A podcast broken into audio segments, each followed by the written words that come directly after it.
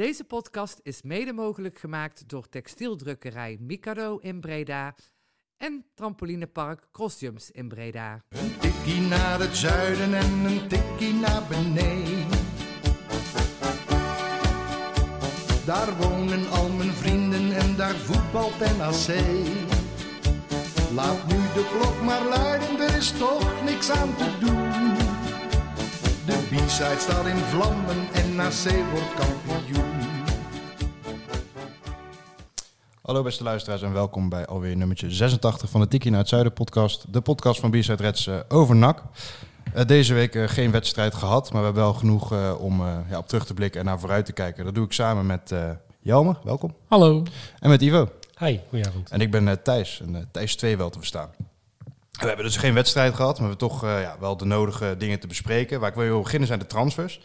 Toch nog één ingaande transfer, dat is eh Jorginho Antonia.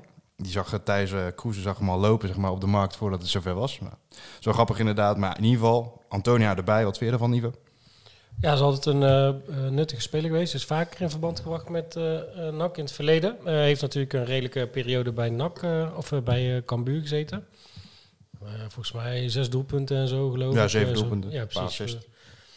Dus ja, dat kan een hele bruikbare speler zijn. Ehm, waren het niet. Ja. Jammer, die kwam er al mee. Dat ja, die medische keuring van NAC is niet schijnbaar heel erg eh, uitgebreid geweest. Ja. Want hij ligt er schijnbaar weer twee weken uit. Dus.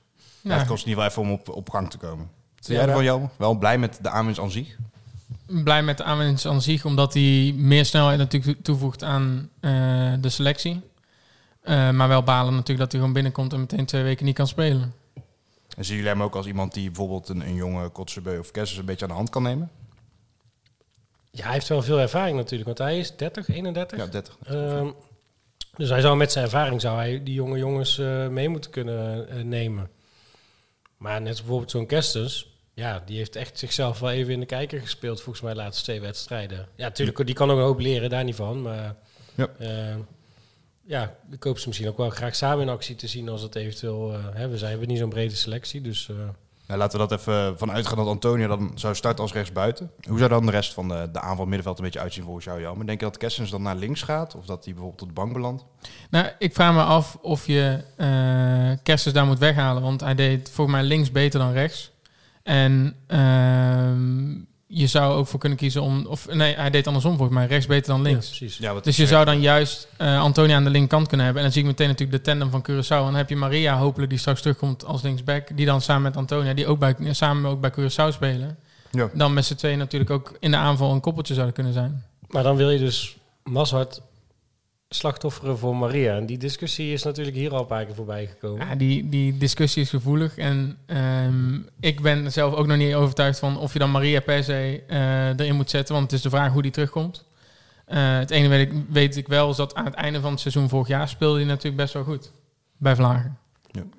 Ja, bij Vlagen. En ik vind, ja, toch Mazhart de laatste paar wedstrijden. Hij heeft ook wel echt eh, wat foutjes gehad. Maar je, ja, je ziet dat die jongen nog steeds gewoon eh, stappen maakt, volgens mij. Ja, zeker. Ik twee keer een bal van de lijn gehaald. Ik bedoel, ja, die moet je er al Nee, niet meer uit aan Je moet er maar staan, inderdaad. maar wat mij, wat mij dan bijvoorbeeld ook eh, een beetje bezighoudt, is dan, je hebt Van Lanas natuurlijk, die ook nog op links kan spelen. Nou, stel, je gaat echt voor Kess en Antonia, en welke opzet dan ook. Dan moet Verlanas dus naar het middenveld. En dat zou dan ten koste gaan van Azegari bijvoorbeeld. Want Seuntjes gaat er sowieso niet uit.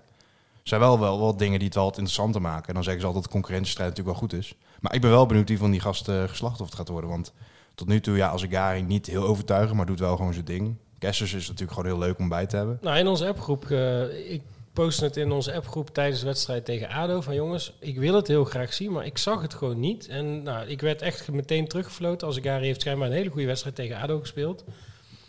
Ja, hij is misschien onopvallend en dat, dat kan ook een positief ding zijn. Maar eh, ja, ik zie het gewoon op een of andere manier niet. Maar, Ja, wat, ja, ik had dat vorige week ook al met, met, eh, met, toen met Thijs en Sidney Warnock over. Dat Azegari eh is niet per se in de jeugd in ieder geval een onopvallende speler geweest. Daar was hij juist wel vaak belangrijk. En in die zin zou je wel kunnen zeggen dat je meer van hem kan verwachten. Maar ja, die jongen is natuurlijk ook pas heel jong. En hij is toch geen zekerheid, hè? want hij heeft nu volgens mij alles bij elkaar 26 wedstrijden ervaring in het eerste. Dus het is ook niet zo dat je van hem zomaar kan verwachten ja, dat hij dat hij er zomaar staat. Ja, natuurlijk, het is een jeugdproduct. Je ziet hem graag slagen. Dus eh, Ja. wie weet verrast hij ons nog. Nee, maar kijk, je hoort natuurlijk ook Sydney wel zeggen van... eh, hij, durft, hij durft veel meer bij de onder 21 en hij droeg het team ook veel meer bij de onder 21. Precies, ja. En dan daarnaast hoor je hem in zijn interview en ook de Graaf allebei zeggen van... ja, Yassine heeft een dodelijk afstandsschot. Ik heb het nog niet gezien. Ja. Dus dan, eh, misschien wordt hij natuurlijk wel nu eh, gedeeltelijk verkeerd gebruikt. Maar tegelijkertijd, je hebt hem nog heel weinig voor de goal gezien. Je hebt hem nog geen schoten zien maken. Heel zenuwachtig Ja. tijdens het Pasen. Klopt. Ja, dan kan je beter Verlaan als daar hebben staan. Ja, in mijn, in mijn, en dat, ik kan het echt mis hebben hoor, maar ik, voor mijn gevoel komt hij niet vaak over de middellijn. Dus speelt hij echt gewoon eh, Ja. echt op, op eigen helft en probeert hij daar een beetje, eh, ja, ook gewoon een beetje de boel te controleren of zo. Maar Ja, Tegen ADO deed het een paar keer goed eh, op die positie door wel snel naar voren te draaien. Maar ja, het nadeel daarvan is dat je natuurlijk Haai al hebt, weet je wel. Je hebt niet daar een, een nummer 6 staan die alleen maar bal afpakt. Je hebt gewoon Haai die eigenlijk vanuit daar al genoeg kan. En dat, wat dat betreft, zoals Agari eh dit seizoen één schot gelost, als ik het goed heb. Tegen de graafschap uit, werd geblokt. was wel een schot van buiten 16. Maar voor de rest, ja, wat jullie zeggen, komt hij nog niet heel veel in het spel voor. Maar als dat dan, ja, dan zou dat wel degene zijn die misschien weer toch naar de bank zou kunnen ja, gaan. dus Antonia, als hij weer fit is en eh, we weten ook niet wat hij heeft. Nou ja, misschien is het ook gewoon meer op gang komen. Hij heeft natuurlijk niet een voorbereiding gehad eh, die je normaal zou hebben als speler. Hij heeft zichzelf al bezig gehouden, zei hij, maar... Hij heeft gewoon meegetraind bij Cambuur volgens mij. Ja? Volgens mij heeft hij gewoon In het begin Oh, wel. Ja, in het Ik begin dacht wel. alleen eh, zeg maar in de, de beginperiode. Maar in ieder geval, ja, die, die komt er wel in ieder geval aan. Wel, de beste transfer hebben we nog niet benoemd. Dat is dat Haaien niet weg is, zoals Ralf Seuntjes het zegt. En dat is uiteindelijk ook zo gebleven. Van Hooydonk voorspelde het al, maar ja, ik ben toch wel heel blij, moet ik zeggen, dat hij toch eh, Ja. besloot om te blijven. We hebben natuurlijk ook even met, eh, ja, Thijs, eh, Thijs 1 heeft even met hem gebeld. En ja, ik vind het wel mooi dat hij zegt van, eh, ik hoefde echt niet per se weg. En eh, ik denk dat misschien de fans hem wel het laatste setje daar hebben kunnen geven. Nou, hij, hij kreeg natuurlijk tegen ADO een dusdanige, hoe moet je dat noemen? Staande ovatie. Ja, weer in zijn reet zeg ik dan. Maar eh, daar had je natuurlijk als iedere speler zoiets van... Jezus, dit hele stadion draagt mij eh, eigenlijk op de schouders. en als we dan de grote markt halen... zal hij natuurlijk als allereerste ook op de schouders worden genomen. Dus wat dat betreft, ja, ik ben heel blij dat hij blijft. Ja, zeker. Het, eh, als je, het was een aderlating geweest, want je had, je had gewoon geen, geen vervanger voor hem klaarstaan.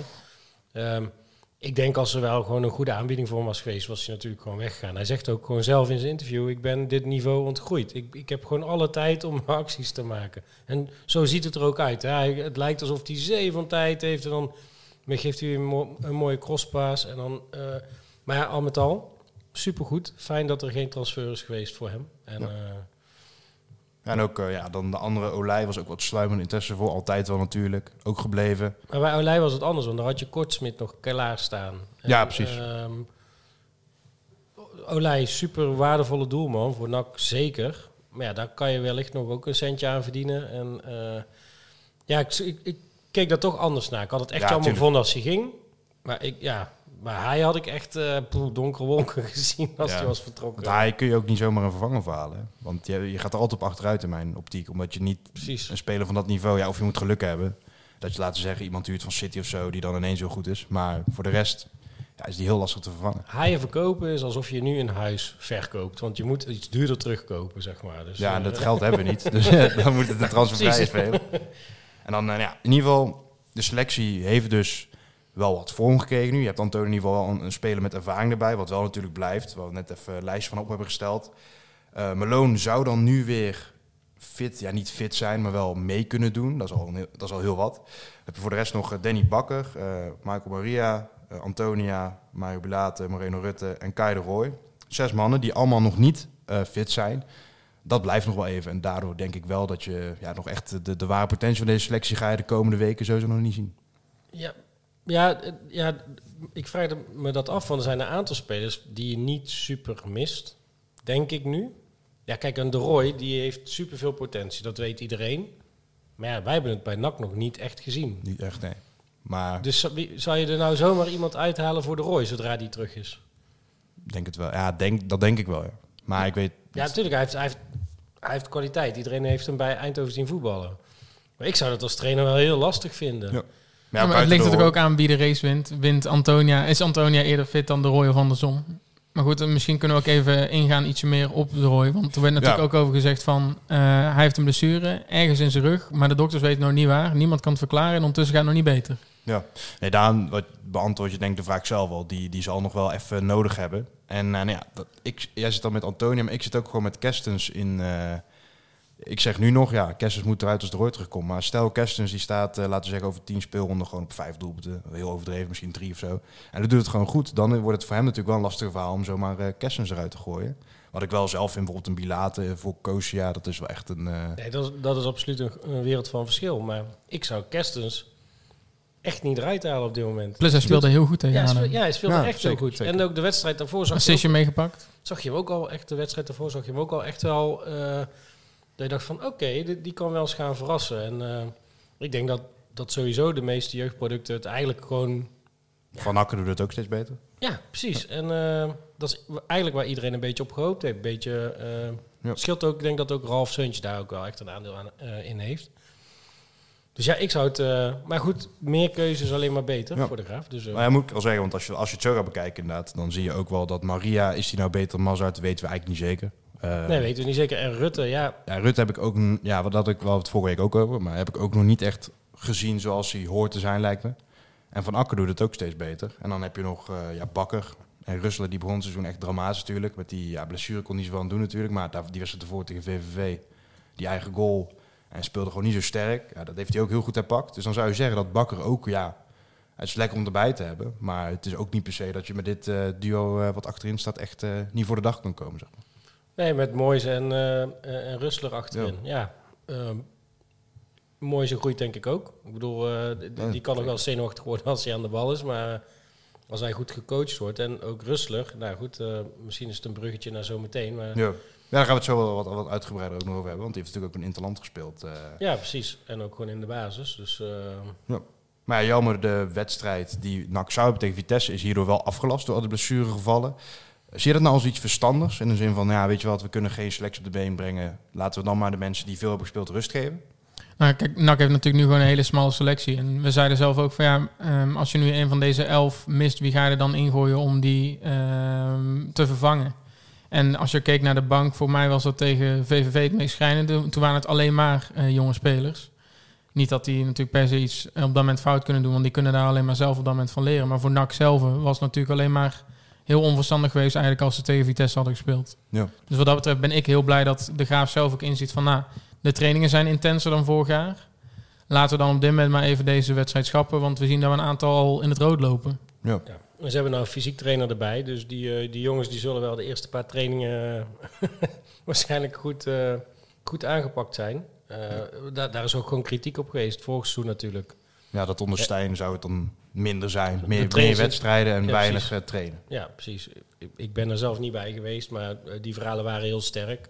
Er was ook geen fysiek trainer. eh, er werd kort getraind, niet intensief. En eh, nou, de gaven ze dan schijnbaar toch van een andere stempel. Wat, wat denk ik alleen maar goed is bij de jonge gasten. Ja, zeker. Dus eh, Want ja, conditie is zeker voor de jonge jongens zou dat wel een pluspunt kunnen zijn. Als je zo'n wedstrijd waar je nu een paar keer hebt gezien en hem toch weggeeft uiteindelijk. Heeft denk ik ook wel een beetje met ervaring te maken. Maar ook met vermoeidheid. Denk ik ook. Ja, tuurlijk. Het is een mix Het is van een beide. hogere tegenstand. Ik bedoel, Van Schuppen zei zelf ook wel van...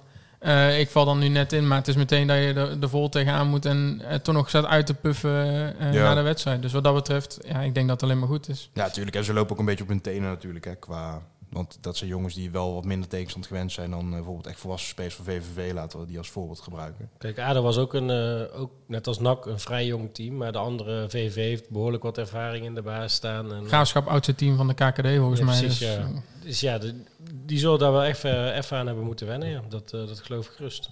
Als we dan kijken naar de groep aan zich, die hebben wel een tripje gehad naar Zandvoort met z'n allen. Ik heb wel het idee, en dat was vorig jaar ook misschien al wel, dat de sfeer is wel goed in de zin van, het is wel een team, zeg maar. Er wordt ook wel gewerkt naar een gezamenlijk doel. Je hebt niet echt mensen die er tussenuit vallen. Nee, ik denk dat je nu gewoon een aantal patrons hebt die gewoon eh, die jonge gasten een beetje in toom houden. Dat gevoel heb ik hoor. En eh, je hebt gewoon jonge gasten die proberen de kans te pakken. Ja, dat is alleen maar oké. Waarbij in het verschil met vorig jaar had je het, ja, uitgerangeerd is misschien net iets te dik aangezet. Maar je had wel gewoon een, een, een aantal gasten ertussen lopen. Een Immers, een, eh een Malone. Eh, ja, die, ja die, die zaten gewoon echt in de herfst van de carrière. Malone nog steeds, want die is nog niet weg. Ja. Eh, Maar zijn deze jongens dan beter te, te coachen of zo? Of hoe moet ik dat zien? Want je zou kunnen zeggen dat een, dat een immer zichzelf ook kan handhaven, zeg maar. ja, nee, ik denk ook dat Immers ook uiteindelijk wel iets toe had kunnen voegen. Maar er- ging natuurlijk op veel vlakken mis. Ik denk dat nu ook de komst van Ralf, wat ik net al zei. Ik dacht ook van, nou oké, weet je, Ralf, oud, weet je, de, die gaat, dat is leuk dat het een, een Breda's jong is. Maar als je ziet hoe fit hij is en wat hij doet, en eh, ook in zijn interviews, dat hij gewoon die jonge gasten gewoon tot de orde roept. En, eh, Ja. Dus ik heb het idee dat hij wel echt een beetje de patron is eh, in, de, in, de, in de kleedkamer. Althans, van de buitenkant. Doe jij niet denk mee? Ehm, nou, ik denk daarnaast ook, kijk, het feit dat Olij eh, captain is geworden is natuurlijk niet voor niks. Dat is iemand die niet op zijn op zijn mondje is gevallen en die eh, ook sowieso voor de Kamer altijd echt wel een harde waarheid hoort vertellen, laat ik het zo zeggen. En ehm, als je gewoon kijkt, heb je eigenlijk, stel je zet Ralf even in de spits, per linie één echte leider. En dan heb je Haaien eh, op middenveld, heb je ehm Ja, nu Antonia. dan- ja, Misschien Antonia Ralf een beetje voorin. Want die komt Maar- ook veel de spits natuurlijk. Ja, nee, daarom. Maar je, je zag ook toen Ralf natuurlijk net binnenkwam al meteen dat hij zei van ja, eh, de Roy laat leuke dingen zien op de training. Maar laat nou maar eens in de wedstrijd zien. Dus je riep hem ook meteen tot de orde. Zo Ja. van eh, leuk dat je een man bent met een half miljoen, maar laat maar eens echt zien dan. Ja, ik vind, vind Ralf en ook Olij vind ik niet per se heel vergevend. Want ook Ralf na VVV bijvoorbeeld de eerste wedstrijd, dan durft hij echt wel te zeggen van ja, we komen met 1-0 voor hier en dan beginnen we allemaal leuk te doen en te kappen. En dat moeten we gewoon niet doen, weet je wel. Zij, ze durven ook wel eerlijk te zijn. Ik denk dat dat voor de jonge jongens juist heel, heel waardevol is. Ik denk het ook, zolang hij ook zijn eigen rol daarin blijft doen. Wat hij overigens ook deed. Hè, want hij gaf ook zelf aan van, joh, die kans had ik er ook wel in mogen schieten. Ja. Kijk, hij moet, dat, daar moet hij denk ik wel mee oppassen. Dat hij niet te veel naar anderen gaat wijzen. Maar ik neem aan dat hij daar verstandig genoeg voor is. Hoogst vind ik Haaien niet direct een typische leider of zo. Ik weet niet. Die is, Ja, op een andere minder, manier. Die is minder verbaal, zeg maar. Maar op het moment dat jij, zeg maar, laten we zeggen, je hebt, je hebt dan NAC als voetballend elftal. Daar neemt hij, zeg maar, creatief gezien 80% van het werk Ja, op zich. zeker. Oh, ja. En dat ontlast natuurlijk wel die andere jongens heel erg. Nou, en daarnaast denk ik dat we ons vergissen ehm, in hoe hij is. En als je, als je zag in zijn interview na de wedstrijd tegen de Graafschap, zei hij, hier hadden we van dit de Graafschap hadden we niet hoeven verliezen. Het is zonder dat een aantal jongens eh balverlies laten. Het is zonder dat een aantal concentratieverlies hebben. En eh, we kunnen nog wel groeien. Maar nogmaals, we hadden nu niet hoeven te verliezen. Dus je ziet dat hij toch ook wel zich verbaal wel wat meer laat horen. ja, in een interview. Maar hij doet het dan niet in het veld op dat moment. Wat ik met hij heb in het veld, is hij kan wel een beetje toxic zijn. Als, als het even niet volgens zijn weg gaat of volgens de weg van het team, dan kan hij wel best wel Mekkeren, ja. uitvallen. Een beetje Ja. mekkeren, eh, frustratie over Maar dat is niet coach, hè? Dus dat nee, daarom. En wat dat betreft vind ik wel dat, dat hij minder een leider is dan Ralf en Nick. Maar wel, ja, ik denk dat zijn spel, daar hebben die andere jongens ook wel heel veel aan, zeg maar. Ja, zeker. Dat, nee, daar ben ik het absoluut mee eens. Alleen eh, is hij in staat om die jonge gasten ook aan de hand mee te nemen? eh? Ja, is dat nodig als je die andere gasten hebt? Ralf, Nick. Nee, nee, misschien ook niet. Maar we, hadden het even, we gingen even de linies bespreken. Dus ik dacht, Ja, van, Haaien, ja, weet je, misschien is dat toch net iets anders. Maar, Maar ja, hij heeft ook niet de meest jonge gasten om zich heen. Hè? Die staat naast Yassine, die kan ook wel wat zelf. En dan heb je de, nou, die heeft volgens, Yassine heeft volgens mij echt nog wel coaching. Ja, die staat ook. ook weer naast Ralf in principe. Hè? En Ja. dan heb je zeg maar de, de gasten erachter, Rustelen, vind ik, in Vlagen. Kijk, als Rustelen gewoon een beetje durft, dan is het een hele goede verdediger. Maar hij heeft af en toe van die wedstrijd dat hij gewoon een beetje bang is of zo. Of ja, een beetje er niet lekker in zit. En dan wordt hij heel erg, heel erg wijfelend. En daarin ja, is hij dan misschien niet de echte coach. Maar nee, maar dan denk ik dat hij wel coaching vanuit Olij krijgt. van Olij precies. eh, Ja. Dus, want van Adileo, dat is dan zeg maar naast hem, ja, die heeft ook coaching nodig. Dus dat is dan misschien ja, wellicht wel wat dunnetjes. Maar, maar goed, de, de sfeer lijkt goed. Hoewel dat vorig jaar ook wel eh, toch redelijk leek. ja, precies. Dat denk ik ook. waren wel een aantal gasten die echt voor zichzelf speelden. Hè. Dus eh, een Sydney, die speelde, probeerde zich in de kijker te spelen. Een eh, Ella Lucci, die gewoon heel Ja. duidelijk gewoon... Ja, die wilde gewoon zijn statistiek opvijzelen. Dat heeft hij ook gewoon Anko toegegeven. Jansen als er kan, van die mensen. Ja, huurlingen slash dingen die... Anko Jansen, joh, die heb ik gewoon geblokt. Echt. Die- nam ik al niet meer serieus toen hij zichzelf na een wedstrijd de beste speler van de keukenkampioen-divisie noemde. Dus die heeft letterlijk niks toegevoegd, toch? Mm, De pingel tegen hem. ja, en de tips van wie waar ging schieten. Heeft ook wel geholpen. Oké, nou. Maar ja, kijk, dat, is, dat klopt natuurlijk wel. En wat, wat ik ook als sfeer beschouw is... eh, natuurlijk, er zijn fans in het stadion. Maar je merkt wel dat als Kester zeg maar een keer struikelt of een bal verkeerd aanneemt... dan vinden mensen het minder erg als bijvoorbeeld een Maats of een Venema dat doet. Nee, maar de dat sfeer is dit jaar ook gewoon echt anders. Ik denk dat mensen zich gewoon toch stiekem best veel Ja. beseffen, want er zijn meer supporters dan alleen bij ons op de site, dat dit echt wel gewoon een tussenjaar is. Of althans, dat het een, een jaar is waarin eigenlijk alles, alles ja, eh, gewoon een beetje bonus is als het gewoon goed gaat. Ja, en wat, wat een verschil is, is dat je het nu ook zo gaat benaderen. En dat vorig jaar denk je eigenlijk continu van, oh, wij, wij moeten nu eigenlijk tweede worden en we staan vijfde. Weet maar je het wel? En nu denk van- je van, ja, we, we horen misschien tiende te staan en we staan Maar met die straks, eh, selectie die wij hadden vorig jaar, hoorden we ook gewoon tweede te staan. Tuurlijk, Minimaal, gewoon punt. Ik vond echt dat wij een betere selectie hadden dan de Graafschap. Ja. Op papier dan, hè. Gewoon, het is er niet uitgekomen om verschillende redenen, maar... En NAC, het, de, het beleid van NAC was ook gewoon om te promoveren. Dat zag je op een gegeven moment in de winststop. Zijn ze gewoon geld erin gaan pompen, oude gasten halen... om gewoon maar eh, Ja. toch, toch die promotie veilig te stellen. Hè? En dan zeggen sommige mensen, ja, dat was bijna gelukt. Ja, Ja. goed, ik, ik, ik ben het daar gewoon eigenlijk niet mee eens. Maar je dat is gewoon een- tweede staan. Dat is een, eh, ja, een ander punt dat ik nog wilde bespreken. Eh, de, de focus gaat natuurlijk op transfervrije spelers nu. We hebben dan een, een artikel gemaakt over spits die eventueel beschikbaar zijn. Nou, de Graaf wil ook nog kijken naar een linker middenvelder. Wat ik heel, heel veel bij is gekomen, jammer op de site, is mensen die zeggen van... eh, ja, als tweede spits heb ik liever gewoon Koosja. Laten we nou niet weer een oude of een eh, ja, tweedehands eh, kringloopspeler... al die termen kwamen voorbij, halen. En laten we het gewoon met het doen wat we nu hebben. Ben je het daarmee eens? Ehm, nou, in zekere zin wel. Ik bedoel, als je kijkt hoe Koosja het invulde toen Ralf op 10 ging spelen, deed hij het heel goed. Daarnaast, ehm, en misschien dat we daar alvast op in kunnen haken, heeft Koosja nu gewoon twee baasplaatsen gehad bij Liberia. Dus dat zegt ook dat ook in Liberia en, in zijn- en dus ook in eigen land hij nu echt wel erkend wordt van kijk, die jongens ook stappen aan het maken. En ik denk dat als je die als schaduw hebt ehm, achter Bilater, dat je gewoon een hele goede stand-in hebt. Ja. Want hij deed wel precies wat eh Seuntjes op hoopte. Namelijk dat hij eigenlijk een man meepakte... zodat Seuntjes vrij kon binnenkomen lopen... en zo even een hattrickje maakte tegen Den Haag. Ja, de, maar de eerste wedstrijd, was het VV dat hij Ja. erin stond? Toen was hij echt niet goed. Hè? Nee, toen had hij de Maar toen Ja. gaf hij Toen had wel hij die, eh, die assist op Seuntje, Ja. hè? Die die echt vrij voor de goal zette. Die Seuntje toen een beetje Ja. miste. Ja, een beetje, Beetje heel erg mist, Ja, een beetje heel erg miste, ja, precies. Nee, maar, en ja, tegen, tegen Telstar had hij wel die pijnlijke misser. Maar het is wel een jongen die, wat Bilater ook tegen Sparta in de voorbereiding deed, is, eh, wat we niet van Bilater gewend waren, is gewoon heel veel diep gaan. En Seuntjes vangt de ballen op. En daar is Koos natuurlijk wel geschikt voor. Hij is eigenlijk een beetje Sadiq Umar light, weet je wel. Hij, nee, hij, ik denk, hij is niet zo goed al, maar hij is wel gewoon lang en snel.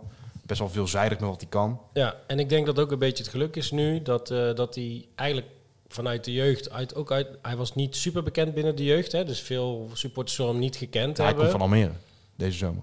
oh, oh, oh, sorry, ik dacht dat hij vanuit de jeugd kwam. Nee, de heer van Almere. En hij, hij is gehaald als, als spits voor de onder 21. Ja, oh ja, zo, zo zat het. Ja, En, ik, eh, ik, het zat in mijn hoofd dat hij voor de jeugd kwam, maar Ja, dat is ja, Kotzebeuk, dus die gast allemaal wel. Nee, Kessers wist ik wel. Die hebben ze daar echt specifiek voor gehaald. Eh, maar ik denk dat eh, het publiek ook gewoon nog wat vergeefsgezind is. Ze kennen hem nog niet. Hij komt er vrij Het is onbevangen in. gast. dus, ja, precies. precies. Als je nou zo'n uh, Gokina-jat of zo gaat halen... eh, en die, die, heeft, die heeft overal op losgescoord. En dan komt bij NAC en hij schiet er weer, eh, raakt weer geen pepernoot. Dan is het natuurlijk na twee wedstrijden is het gewoon weer eh, fluiten en doen. En Ja. eh, dat is gewoon met zo'n Corsia gewoon niet. Ik denk dat dat ook scheelt. Nee, precies. Dat denk ik ook wel. Nou ja, we bedoelen net even jammer. De internationals. eh, laten we dan beginnen met, met Kosha. Die heeft verloren van Nigeria. En is die wedstrijd al geweest? Want het komende wedstrijd weer in. Dat is vanavond, toch? Ja. Ja, vanavond staat hij dus voor de tweede keer in, de- in de basis. Eh, het is wel ja, gewoon een compliment voor hem. Tuurlijk, de selectie van Liberia is niet eh, dat je zegt eh, hetzelfde als dat zeggen dat hij bij Frankrijk zou spelen of zo. Maar het is toch wel een waardering in de zin van eh, dat hij het goed doet. En ik denk ook wel gewoon een ervaring voor hemzelf. Blijven we even in Afrika. Adeleo, die heeft met Benin vier minuten gemaakt. Is er eigenlijk wel vast onderdeel van de selectie, zou je kunnen zeggen. En heeft ook nou, natuurlijk wel ook in Frankrijk gevoetbald, Adeleo. Dus die, is niet helemaal, die komt niet helemaal vanuit niks, zeg maar net als coach, ja. En wat ik zelf het mooiste vond, eh, vandaag eh, om drie uur speelde eh, Noorwegen onder 19, waar Rusland nog mag spelen. Tegen Frankrijk onder 19 en die hebben daar met 2 van gewonnen. Wat toch wel echt een knap resultaat was. Frankrijk wel een rode kaart. Maar toch wel knap dat hij zo, eh, ja, dat hij zo op de been bleven daar, daartegen. Ja, zeker. En uh, Levine merkte nog op, apart, dat hij uh, onder 21, of dat hij 21 is, dat hij nog onder 19 speelt. Maar dat had dan te maken met... De... Dat hij in deze cyclus nog mee mag doen. Okay, ja. ja. Dus dat loopt door zeg maar tot, uh, denk het volgende eindtoernooi van hun. Dat zal, zal dan volgende zomer Deze zijn. zomer. Precies, ja. En dan uh, ja, eentje die misschien wat minder bekend is. Uh, Omer, die uh, speelt hier in de jeugd. En die, heeft, ja, die viel in bij Oranje onder 17, dus zijn debuut. En de wedstrijd erop mocht hij meteen de basis starten. En dat is, ja, dat is wel denk ik een mooi compliment voor de jeugdopleiding. Wederom eigenlijk. Want ja, we hebben natuurlijk veel afvallers gehad bij de onder 21. Of ja, de jong Oranje, beter gezegd. Uh, die ook van NAC een historie hebben. Of bijvoorbeeld een Sydney, een Verbrugge. Uh, Verbrugge zat er dan trouwens wel bij. Ja, zeker. Maar dat ook bij ons in de jeugd, uh, ja, dat er toch nee, zeker.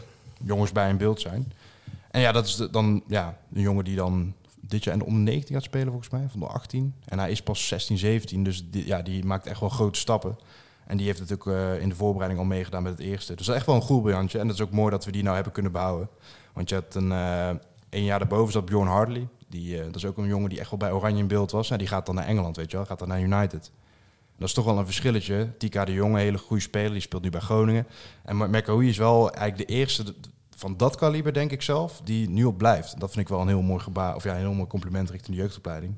Want Ja, dat, zijn wel jongens die sowieso in het eerste een steentje bij kunnen gaan dragen. Ja, laten we niet hopen dat hij dan alsnog opgestofzuigerd wordt door eh, Ajax of PSV of eh, weet ik veel wat. Ja, wat, wat, wat nu wel is, kijk, op het moment dat zo'n jongetje 16 of 17 wordt, dan kun je natuurlijk wel echt actief bij het eerste gaan betrekken. En omdat ze dat nu al aan het doen zijn, denk ik wel dat het voor hemzelf een grotere reden kan zijn om wel te blijven. zeg ja, maar bij Ajax krijgen ze gewoon een contract en hier spelen ze gewoon, eh, spelen ze gewoon in de jeugd. Dus dat is echt een verschilletje. Hè? Ja, dat is waar. Maar ik weet niet of McAwee zeg maar, heel lang nog zonder contract... Hij is natuurlijk jong, maar dat is wel iemand die, eh, waar ze denk ik wel mee bezig gaan om die vast te leggen. Nou, zelfs in het eerste hebben we er nog een aantal spelers die nu op amateurbasis nog spelen. Dus eh NAC is niet zo heel eh kwistig met, met contracten. En dat kan ook niet, want dat geld hebben ze gewoon niet. Dus dat is het grote gevaar bij NAC. Hè? Dus Ja.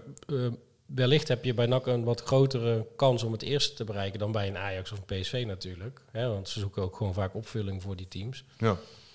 Ja, wellicht is dat verhaal, eh, staat dat inmiddels. Laten we hopen dat eh Helmond ze weet te overtuigen. En dan is het in ieder geval wel mooi dat we niet meer spelen tijdens de interlandperiodes. Als we dit zo zien. eh als hadden we helemaal zeg maar met 12 man, wat, was, wat was het dan geweest, uit naar Roda moeten. Dus dat is op zich wel een, ja, een pluspunt. Waar we het dan een beetje ja, met over de selectie hebben gehad nu. Eh, om het af te sluiten, hebben jullie nog transfervrije spelers waarvan je denkt van eh, dat zou echt iets zijn? Of denken jullie wel echt van ja, weet je wat, laat het gewoon met dit doen en eh, laat maar lopen. Nou ja, goed, een, een, een buitenkantje mo- moet je natuurlijk nooit laten lopen. Maar ik zie heel veel vaak Filipovic voorbij komen. Dat, eh, en voor, voor, voor mij had hij ook geen hele slechte indruk gemaakt in zijn periode bij. Ik was toen best wel verbaasd dat hij wegging. Ja, volgens mij was hij best bereikbaar. hij mocht weg ineens, weet je wel. Hij, Ja, nou, hij was ook meteen weg. Echt, was Ja. vrij snel. Gewoon, eh, ja, verder wat er in dat lijstje stond. Er stond uh, Goginejad, nou die vind ik gewoon echt te oud. Amateros, die is al iets jonger, maar die is ook, eh, ja, Maar dat zijn ook wel, die hebben ook wel een beetje zo'n verdette-status of zo. En volgens mij past dat op dit moment niet binnen NAC of zo. Ik weet niet. Die hebben toch allemaal wel ergens hun sporen toch een beetje verdiend. Ja, of, Ja, een, of Botermans van ADO, die bij FC Eindhoven ook speelde. Dat was die jonge gast, toch? Ja, die is, eh, ja maar dat, dat is dan wel weer eh, ja, een wat, wat grotere spits, 1,87. Ja, vrij precies, bonkig. Ja, maar ik denk dat je als NAC dat op dit moment niet kan maken. Dan is het weer een, een Hagenees die naar, naar Ja, NAC nee, dat komt. Dat, dat denk ik niet. Nou, dat is juist de, de reden dat ik dacht van, dat dat misschien wel waarschijnlijk zou zijn. Omdat die Lex Schoenmaker junior, die kent hem ja, ongetwijfeld, zeg maar. Nou ja, goed. Ik zou het inderdaad ook niet sterk vinden door jou, maar daar geef ik je wel gelijk in. Maar ja, ja oké. Maar eh, moet je die dan boven eh Cosia dan verkiezen of zo? Eh, Misschien als opvulling of, als, als, of voor op de bank of erbij. Prima, als het voor een appel en een ei is. Maar ja, niet direct. Dat zou geen directe versterking volgens mij zijn voor... eh, Nee, zeker niet. Klopt.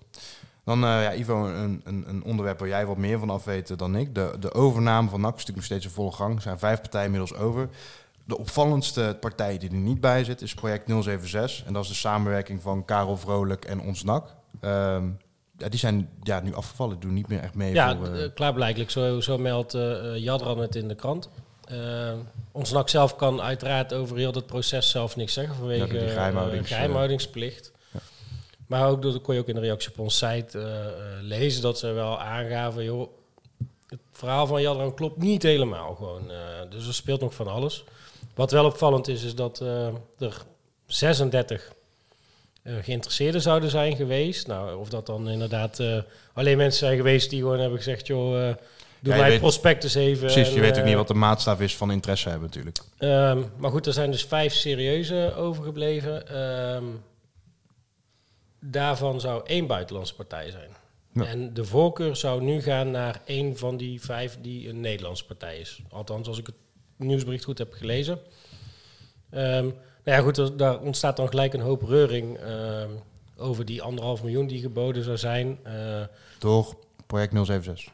ja, dat, of, of dat zo is, dat mogen ze dus niet zeggen. nee. Eh, Maar, maar wat voor zij wel duidelijkheid, dat is wel heel erg aan de lage kant, zeg maar. Dat is een beetje wat nu de, de tendens Dat is maar hoe je ernaar kijkt. Kijk, ik kan, ja, als ik zelf eigenaar zou zijn en ik zou iets van mijn geld terug willen zien, kan ik me voorstellen dat je anderhalf miljoen te weinig vindt. Maar goed, de, wat ze hebben gezegd, de aandeelhouders, en dan eh, praat ik nu even over de grote drie, want die bepalen op dit moment het grootste gedeelte van de verkoop. De kleine zijn daar, voor zover ik geïnformeerd ben, wel bij betrokken, maar dan echt gewoon geïnformeerd van, joh, zo gaan we het doen. En eh, die hebben daar schijnbaar hun fiat aan gegeven.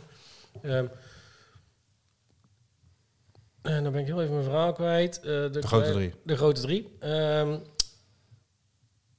de, ehm, het ging over de anderhalf miljoen Ja. Die ze geboden zouden hebben. Ik ben even, even, het, even de draad kwijt. ehm. Geen probleem, we hebben de tijd. Oh ja, nou, ik weet het alweer.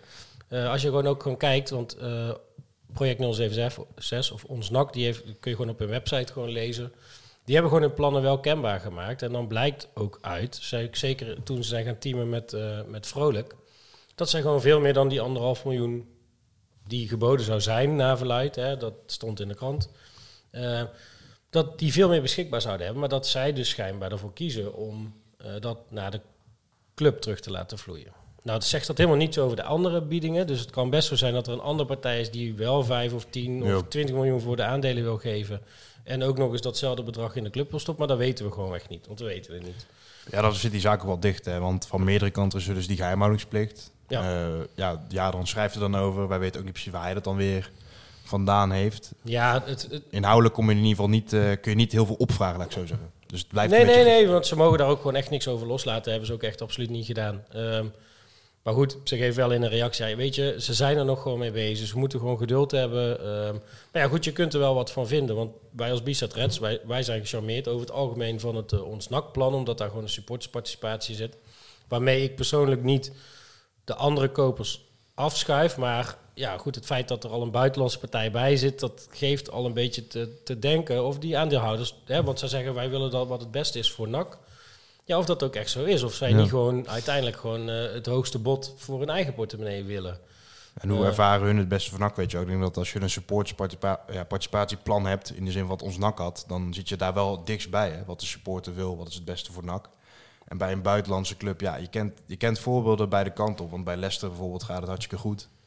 En bij ADO, dat soort clubs, dat, Den Bosch met die ga- gast die het eigenlijk niet eens door mocht, eh, is het allemaal wel wat minder. Nee, kijk, zoals ik eh, wat het beste is voor NAC interpreteer, is dat zij gewoon eigenlijk eh, een soort symbolisch bedrag. Kijk, ze hebben er ooit 10 miljoen of iets dergelijks ingestoken hè, in, in gezamenlijkheid. Hè, want het is zo geweest dat het waren leningen, die werden omgezet naar eh achtergestelde leningen. En toen echt NAC echt bijna omviel, werden ze tegen wil dank aandeelhouder. Maar ja, dat betekent niet dat ze dat geld er niet in hebben gestopt. Ze hebben daarna nog een keer een miljoen of wat hebben ze erin gestopt. Ja, zij willen, daar, zij willen daar uiteindelijk schijnbaar, zoals het nu lijkt, willen zij daar gewoon iets voor terug hebben. Of dat dan de helft is of het gehele bedrag, dat weet ik niet. Maar ze willen er iets voor terug hebben. Alleen de vraag is, hoe realistisch is dat? Dat als je gewoon bedrijfstechnisch naar NAC ga- gaat kijken... NAC is verder niks. NAC is gewoon een naam en de supporters. En eh, het is een heel sterk merk. Eh, maar NAC heeft geen eigen stadion. NAC heeft geen, geen, eh, geen waarde die het Ja. verder vertegenwoordigt. hè. Het is een soort van lege huls, zou je kunnen zeggen. Ja, je, je hebt wat personeelsleden, je hebt een verliesgevend bedrijf. Hè. Operationeel draai je gewoon ieder jaar 6, 7 ton verlies. In de KKD wel te verstaan. Je hebt niet zoveel exposure, je tv-gelden loopt terug. Je horeca is nog steeds niet in eigen beheer. Dus ehm overigens is dat wel een contract dat af gaat lopen. Maar NAC schijnbaar hebben ze wel positief eigen vermogen van, eh, van eh, anderhalf miljoen, heb ik begrepen. Dus je, er zit nog wel wat geld in kas. Maar verder is, ja, als jij gewoon zegt, NAC is 5 of 8 of 10 miljoen waard. Ja, het zou mij verbazen als daar gewoon een accountant naar gaat kijken die zegt, ja, dan moet je ervoor betalen. Alleen, er zit natuurlijk een hele sterke emotionele waarde aan. Dat is meer, weet je, dat is emotionele, cultureel-achtige waarde. Dat is natuurlijk nooit echt, eh, maar dat is bij meer voetbalclubs zo, denk ik. En toch wil ik hier wel even instappen, want wat Ivo zegt is natuurlijk niet helemaal waar. Ehm, de NAC is eh, voor mij twee maanden terug ge- gevalueerd op 4, 4,5 miljoen dat de aandelen waard zouden zijn. En even dan simpel rekend, stel nou, ehm, je wil natuurlijk als je een club verkoopt misschien niet bij zijn winst opmaken als je dan echt zegt en ook van mening bent van joh, ik wil het best voor de club, maar misschien willen ze wel gewoon kiet, kiet spelen en dan dus 4, 4,5 miljoen hebben voor hun aandelen, zoals het ook eh, daarop eh, gevalueerd is. Maar dat gevalu- gevalueerd is echt natte vingerwerk geweest. Want dat is geen boekonderzoek geweest. Of dat is niet naar echt eh, bedrijfswaarde. Hè. Dus, nee, maar goed, kijk, als je gewoon wel natuurlijk heel simpel rekent van je hebt anderhalf miljoen, zei je zelf ook al, aan positief vermogen in eigen kas. Daarnaast heb je wel wat waarde op het veld. Want natuurlijk, uiteindelijk is dat wat je, waar jij als toekomstig eigenaar ook eigenaar van wordt. Dus dan kan je rekenen dat, nou, laten we zeggen dat er een aantal spelers zijn die een gelimiteerde transfersom hebben. Die kan je meteen meerekenen in de waarde.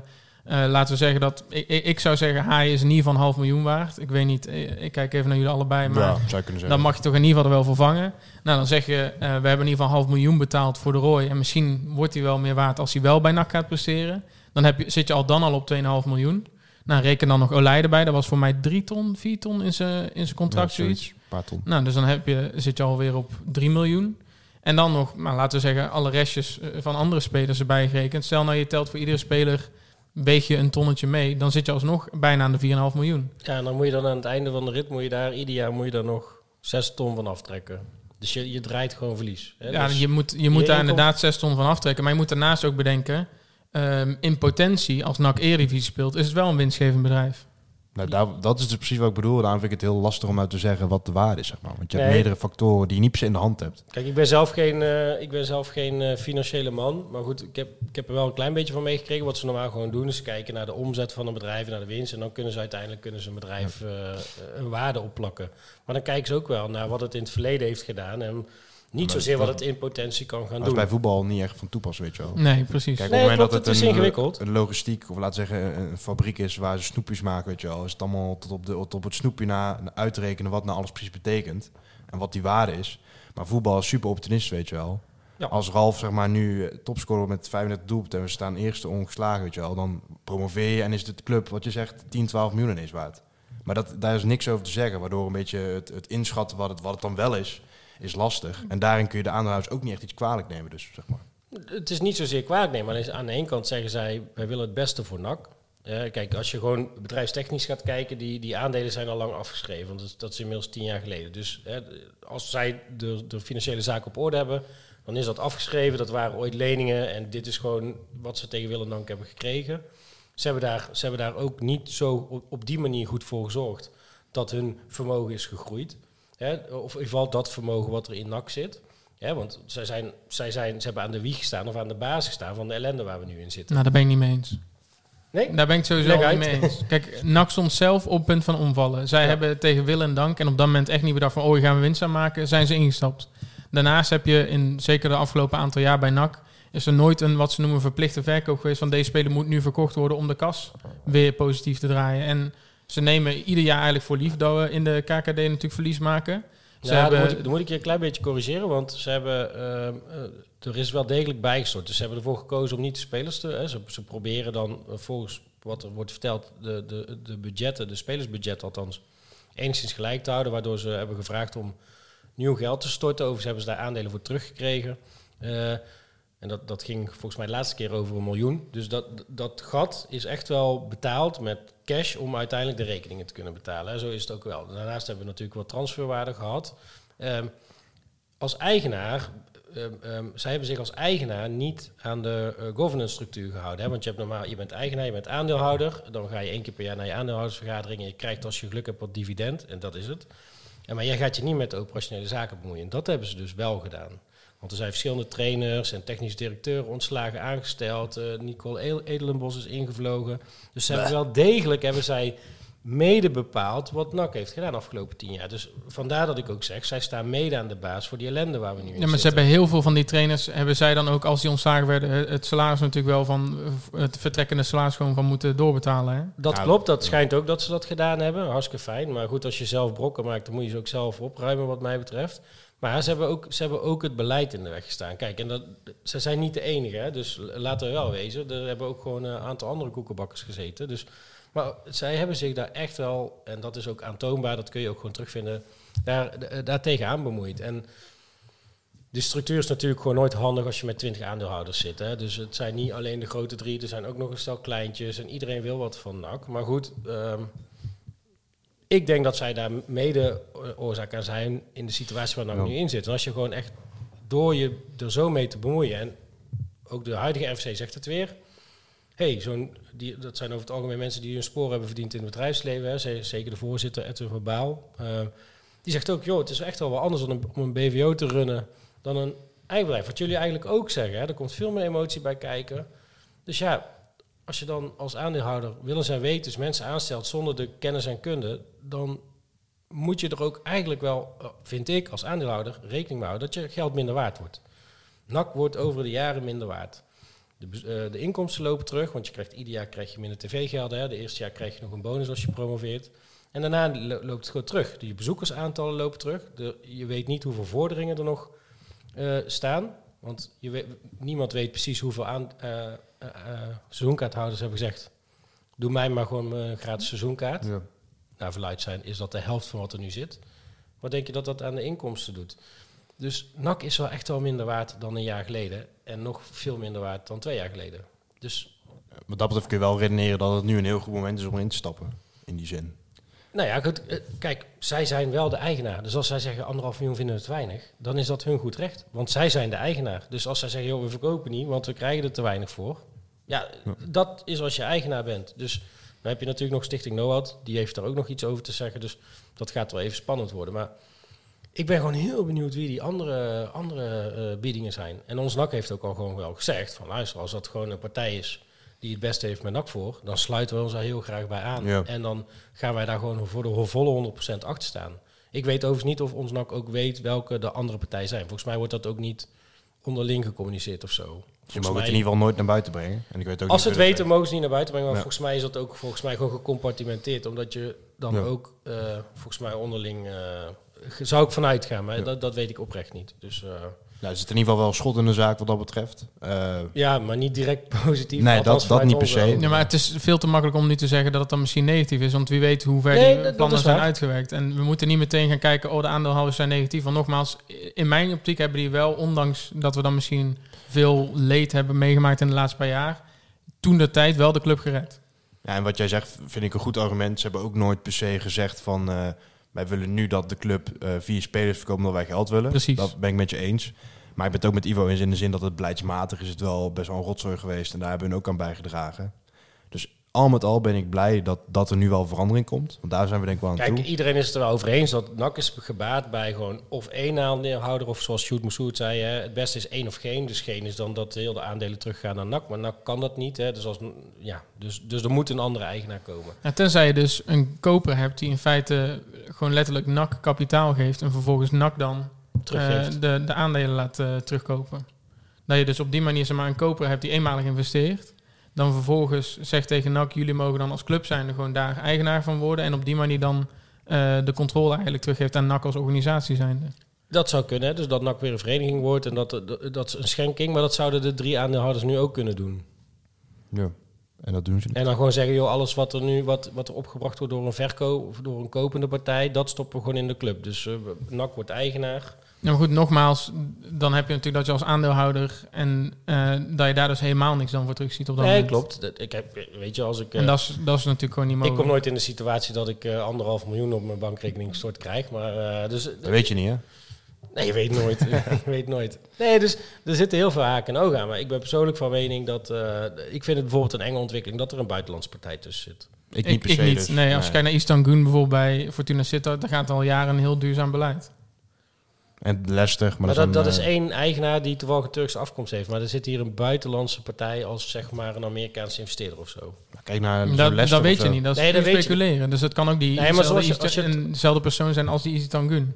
Ehm, nou ja, als je een beetje tussen de regels door in het, in het eh, eh, stuk van Jadran leest, dan, dan maak ik daarop dat, uit op dat het een soort van investeringsmaatschappij, wat je nou ook bij Den Bosch ziet. Hè. Die Ik vind dat niet per se... ik vind eh, dat heel, heel te makkelijk, heel speculatief. Dat is absoluut Dat, speculatief. dat weet je echt niet. Nee, dat Nee, weet je niet. En Dat ik vind het ook, ja, niet per se. Je hebt, je hebt ook je hebt voorbeelden dat het goed gaat. Je moet daar gewoon als club meteen duidelijk afspraken maken.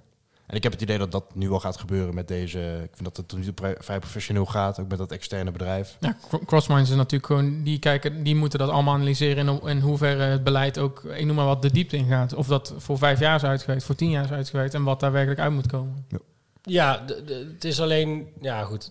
dat gaat misschien te ver voor deze uitzending. Maar het, ehm Crossminds heeft nog nooit een voetbalclub verkocht. Dat dat ten eerste. Eh, en er zijn ook echt wel signalen dat zij lijntjes hebben zeg maar, naar de drie- grote drie aandeelhouders. Wat ook, hè, dus een van die eigenaren of een van de bazen van Crossminds is ook weer een ex-werknemer van Van Aalst, geloof ik.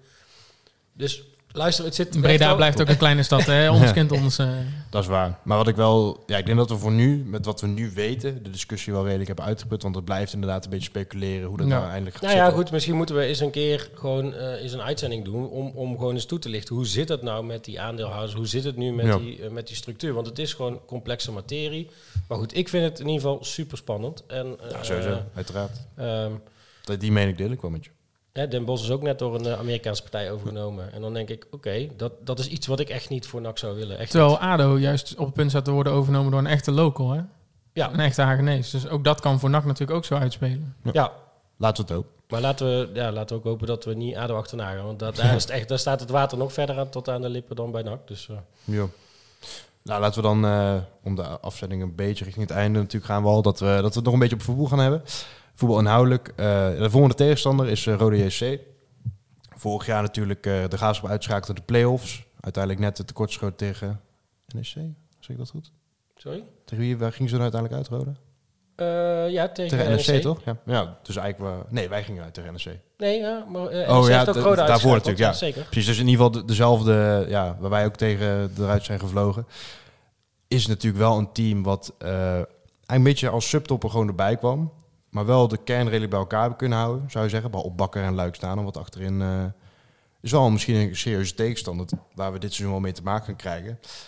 Tot nu toe zijn ze niet heel sterk begonnen. Ze begonnen bij de Graafschap 0-3, wonnen ze. Daarna verloren ze thuis van Excelsior met 1-2. Eh, eh, uit bij Telstar wonnen ze dan met 3-4. En eh, afgelopen week verloren ze met 3-4 thuis eh, van Almere. Dus het is een beetje wisselvalligheid troef eh, bij Roda. Maar als je gaat kijken wat die nog rond hebben lopen... is het natuurlijk wel ja, voor, voor, voor Keukenkampdivisie best wel degelijk. Ze hebben Vente eigenlijk ook een beetje voor de neus van NAC natuurlijk... ging een beetje het verhaal. Hebben ze weggesnoept. Fluke zit er nog. Je hebt die Richard Jens op het middenveld lopen. Op, in de verdediging lopen, pardon. Stefan Marzo, Daryl Werker, Absalem. Wel allemaal serieuze jongens. De Bouchouari zit er nog. En dat zijn wel jongens waarvan je kan zeggen... nou, als die het een beetje op hun hopen krijgen... kunnen ze ook zomaar bovenin meedraaien. Want eh, ja, wat we in het begin van de uitzending al zeiden... FC Emmen doet het niet zo goed. NAC doet het natuurlijk verre van goed. De Graafschap een beetje wisselvallig. is ook wel een, eh, een lastige tegenstander, denk ik zo, eh, die we gaan treffen. Ja, ze staan één puntje boven ons. Ze hebben evenveel wedstrijden als ons gespeeld. Dus ehm, ja, het, voor mijn gevoel zouden we ze moeten kunnen hebben. Maar op basis van wat we tegen ADO hebben gezien. Ja, Ja, maar dat is ook maar één wedstrijd natuurlijk, hè? precies. Nou ja, ik, ik, weet, ik vind het heel moeilijk. eh, is super wisselvallig geweest bij Roda, zoals je al zei. En eh, dat, dat viel me sowieso op in het algemeen. Dat je echt gewoon uitslagen iedere keer ziet. Dat ik denk, huh, heeft die nou van die gewonnen en die nou van die. En eh, ook best wel veel doelpunten steeds. Dat je echt Ja. denkt, oké. Ehm, dus ja, volgens mij heeft Roda wel veel doelpunten gemaakt. Ook al hebben ze verloren, hè? dus één keer vier, twee keer 4-3 en één Ja. keer 3-4 geloof ik. Ja, het doelsaldo van plus 2 hebben ze ook. Dus dat is voor een eh, ploeg die zeg maar ongeveer... Dus ze scoren Ja. wel schijnbaar wel veel. Dus en NAC scoort volgens mij ja, wel- op zich ook wel redelijk beter dan vorig jaar. Ja. Nou, dat, ja, wat, wat ik wel lastig vind om bij Rode natuurlijk nu in te schatten, als bij NAC, is dat eh, je zit net in zo'n competitie, ze hebben dan twee keer verloren, twee keer gewonnen. Je weet nu niet echt het niveau, kun je natuurlijk niet goed inschatten. En wat ik wel denk is dat, het, eh, dat we natuurlijk het thuisvoordeel wel echt gaan hebben, daar in Kerkrade. Al zijn ook natuurlijk weer, eh dat was vorig jaar ook al een hele mooie sfeeractie. Vorig jaar? Was het? Vorig jaar zal er geen sfeeractie in Nee, staan. nee, was dat Roda twee zijn jaar- geleden. Sorry, toen met, eh, was het met al dat vuurwerk bij Rode uit. Er gaat natuurlijk geluid dat dat nu weer gaat gebeuren. Omdat natuurlijk, eh zijn best wel wat naksports naar Loken gegaan afgelopen weekend. En nu gaan ze weer, eh, nu komen de fans weer terug. Dus het wordt al een gezellige sfeeractie. En ja, ik ben benieuwd wat Roda tegenover zet. Wat dat betreft wordt het wel een mooie voetbalavond, denk ik. Jou, als ik jou een beetje naar een verwachting kan eh, vragen voor de wedstrijd. Nou kijk, het is denk ik vooral zaak dat NAC het dan zelf achterin dicht houdt, aangezien Roda zoveel scoort. Terwijl ze tegelijkertijd dan Roda waarschijnlijk zelf zo lekker als een mandje dan is, nou lekker als een mandje, maar in ieder geval toch redelijk wel wat doorlaat. En dan is het juist zaak dat we eh Seuntjes optimaal benutten in ieder geval op dit moment. Ja, nog een hattrickje. Ik ben ervoor. Gewoon, eh, Ja. Hoe realistisch is dat, denk je? Denk je dat Seuntje dit jaar echt, zeg maar, eh, zomaar zeg maar, de topscorer kan worden van de KKD, als in 16, 17? ja, hij staat nou niet diepe spits normaal gesproken. Hij staat normaal gesproken op 10. Dus dan, dan verwacht ik dat hij er wel 15, 20 kan maken. Maar dan, dan ga je niet, eh, niet... Wat is een beetje doorgaans de topscorer? 25, 30 of zo in de Ja, KKD? Muur had er ook wel 34. Twee- 34? Ja, zoiets. Ja, Ja, meer, 34. meer ja. volgens mij. Echt, eh, dat was echt idioot veel. Ja. Nee, dat was echt meer dan 30. Dat was echt, eh want die had volgens mij met de weken erbij had hij er 55 of zo. Dat sloeg Ja. echt helemaal nergens op. Hij staat nu ook eh, op plek 13 hè, met Volendam. Ook nog niet de beste start. Ook een ploeg die zich goed heeft versterkt. Ja. Maar om nog even terug te gaan eh, op Roda. De laatste wedstrijd waar NAC dan natuurlijk uitspeelde was ook al 3-3. Ook een eh doelbedrijke wedstrijd. Dan kun je wel van NAC kant zeggen dat eh, die, die selectie die is er gewoon helemaal niet meer eigenlijk. Nee. Een paar mensen zijn over. Denken jullie dat de wedstrijd zeg maar, tegen Roda een, een graadmeter is voor de rest van het seizoen? Toch een beetje erop of eronder? Voor de komende periode? Of denk je echt van wat we in het begin al zeiden, dat NAC nu even gewoon moet overleven tot de mensen weer terug zijn? Want laten we niet vergeten, als je hem verliest nu, dan is de achterstand op de nummer 1 is al 7 punten. Dat is toch wel... Ja, maar er zijn echt serieus nog veel wedstrijden. En dat zag je ook vorig jaar, dat het op een gegeven moment best wel ver uit elkaar kan gaan lopen. En graadmeter, ik vind dat wat lastiger, want ehm, VVV, dat was al een graadmeter. En de graafschap. ehm, en toen dacht ik eigenlijk, eigenlijk We ben kunnen ik wel best mee. blij met wat ik zie. Ook al verliezen we, denk je van ja, we zijn niet afgeslacht. We werden niet van het kastje naar de muur gestuurd. We voetballen mee. En ja, oké, ze waren net iets beter of ze hadden net wat meer geluk. En zo sta sta ik eigenlijk ook weer in bij Roda. Ja, weet je, je kan, ze- je kan hem verliezen, maar je zou hem ook zomaar kunnen winnen, weet je wel. Dat is eigenlijk een beetje het gevoel. Ja. Al- Dat, wat ik heb, ja. In mijn optiek is vooral zo dat het voor NAC eigenlijk nog alleen maar beter kan, omdat er nog best wel wat spelers terugkomen. Ja. Dus stel ze winnen deze, dan is het alleen maar van, nou, dit, dit kan nog beter, zeg maar, in mijn optiek dan. Ja. En ehm, tegelijkertijd is vooral zo, en dat denk ik vooral, is je moet als NAC zijn er gewoon niet vroeg achterkomen tegen Roda. Want dan speel je uit en dan denk ik wel dat we iets meer de bibbers zullen hebben. Maar hou je het langer vol, dan denk ik dat NAC echt in de wedstrijd kan komen. Ja, zeker. Wat ik, dat idee had ik ook heel erg naar de graafschap. De graafschap wint dan van ons. Maar als je kijkt naar wat voor team NAC dan is, met name de tweede helft, is natuurlijk echt, eh, echt heel erg jong. En daar begin- ja, bied je toch supergoed eh, weerstand aan. Ja joh, want ik weet nog dat ik in de appgroep op een gegeven moment na, na 10 minuten zei van we gaan afgeslacht worden Ja, gewoon hier. Ik dacht echt van nou dat wordt echt 6-0 of zo. En uiteindelijk ja, doe je het gewoon best wel prima. En krijg je heel laat nog een, de tweede goal tegen je. Of tegen, maar Ja. dat je uiteindelijk denkt ja, het- het had zomaar eh, gelijk kunnen worden of iets dergelijks, weet je wel. Dus eh, nee ja, En de vraag is vooral wat voor Roda gaan we tegenkomen. Want kijk je naar vorig jaar, dan verloor Roda van alle clubs onder hun. En Ja. wonnen ze van zowel Cambuur als de Graafschap thuis. En terwijl gingen ze wel eraf tegen Dordrecht, die bij hun eh, gewoon Ja. wonnen. Dus wat dat betreft is heel erg, wat voor Roda kom je tegen? Eh, wil je ook als NAC, ja, denk ik, daar in ieder geval eh, punten mee terughalen. ja, zeker. Als we daar dan een voorspelling aan gaan hangen. Te beginnen bij jou, Jelmer. Het is natuurlijk vroeg in het seizoen, veel, eh, ja, veel onzekerheden. Als ik jou om een voorspelling mag vragen, Gaan we eerst even naar Ivo. ga ik eerst naar Ivo. ik bedenk me nu net dat ik een aantal dingen heb gezegd die ik niet mee heb genomen in mijn voorspelling in Pirkens voetbalpool. Dus ik heb 1-2 in Pirkens voetbalpool gezegd. Dus ik heb wel gezegd dat NAC wint. Maar ik denk dat ik daar 2-3 van ga maken. Want Roda scoort veel en NAC is denk ik ook toch wel... We hebben toch wat scorend vermogen in huis. Dus ik ga, er, ik ga voor de 2-3. Dus jij denkt wel dat Olij de tweede tegen krijgt. Daar gaat niet veel vertrouwen van, heb moet ik zeggen. Nou ja, kijk, het ligt niet altijd aan Olij. Het kan ook eh, aan Rustler en eh Moise liggen. Of, eh, of aan iemand anders die op het middenveld... een uh, Azagari die op het middenveld niet doordekt. Of eh, ik zit allemaal voetbaltermen te gebruiken die ik echt normaal nooit gebruik.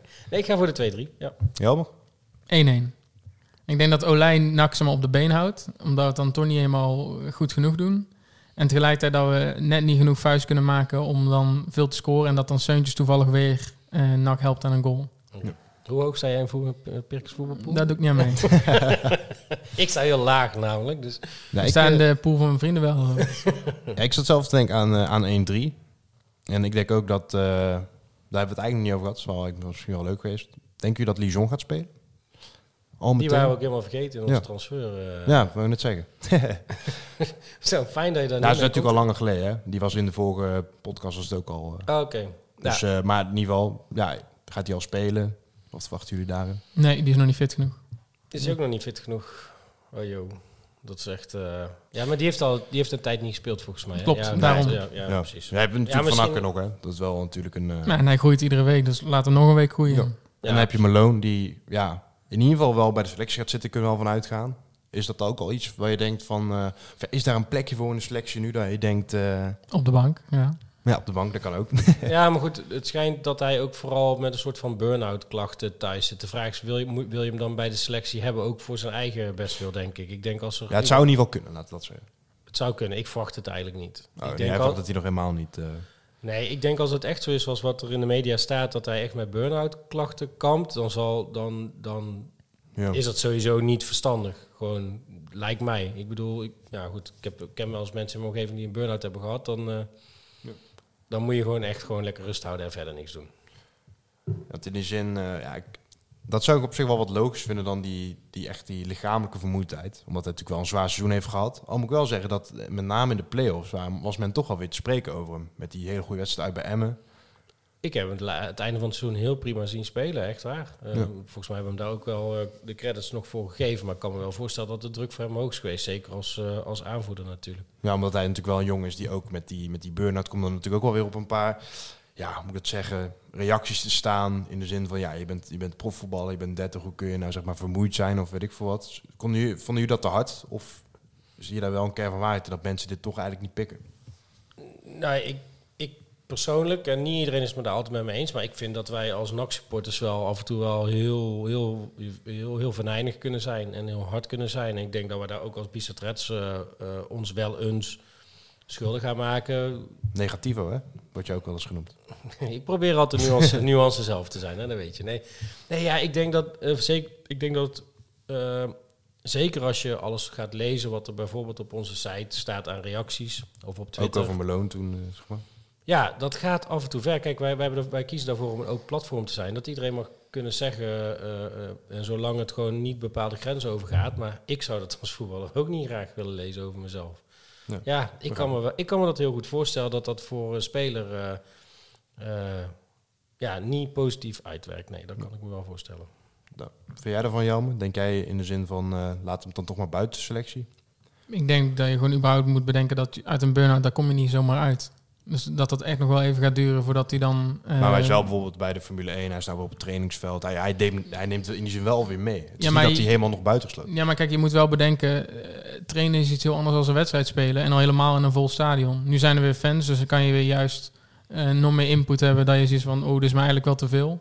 Dat is waar. En ik denk dat ze het echt gewoon heel langzaam ook met hem opbouwen. En, en nogmaals, als natuurlijk de, de verhalen waar zijn, dan duurt dat gewoon echt nog wel even. En dan kunnen we daar voorlopig nog niet op rekenen. Laat dat dan een gelukkig in ieder geval de positie zijn waar wel nog wat te lijden valt. En eh, dat denk ik ook dat dat voor Dion wat chill gaat zijn. Op zes, als je daar nog in voor aanmerking komt, heb je natuurlijk Haaien staan. En achterin heb je ook wel voldoende te kiezen nog. Dus het is niet dat hij echt eh, straks met eh, de volle druk erop terugkeert van eh, je moet er meteen staan. Ja, maar je wilt ook niet weer je verdediging omgooien. Dat lijkt me ook niet inderdaad, dat is waar. En het eh, je centrale verdediger is wel echt een positie waar überhaupt al druk op staat. Waar je Dus, geen ja. stress moet hebben. Dat, dat klopt. Kijk, als je er één linie naar voren staat, dan staat er in ieder geval nog één achter je en daarna nog een keeper. En, Ja. Dus ja, Zitten we wel redelijk tegen het uur. Gaan we naar onze vaste afsluitende rubriek, de ex rubriek Wel de nodige nieuwtjes ook weer. De grootste denk ik is Dessers naar Feyenoord. Toch heel, heel vet is. Feyenoord is toch, eh, wordt ook een beetje het grote nak genoemd eh, in die zin. Of wij Ik- zijn een kleine Feyenoord. Kijk uit wat je zegt, hè.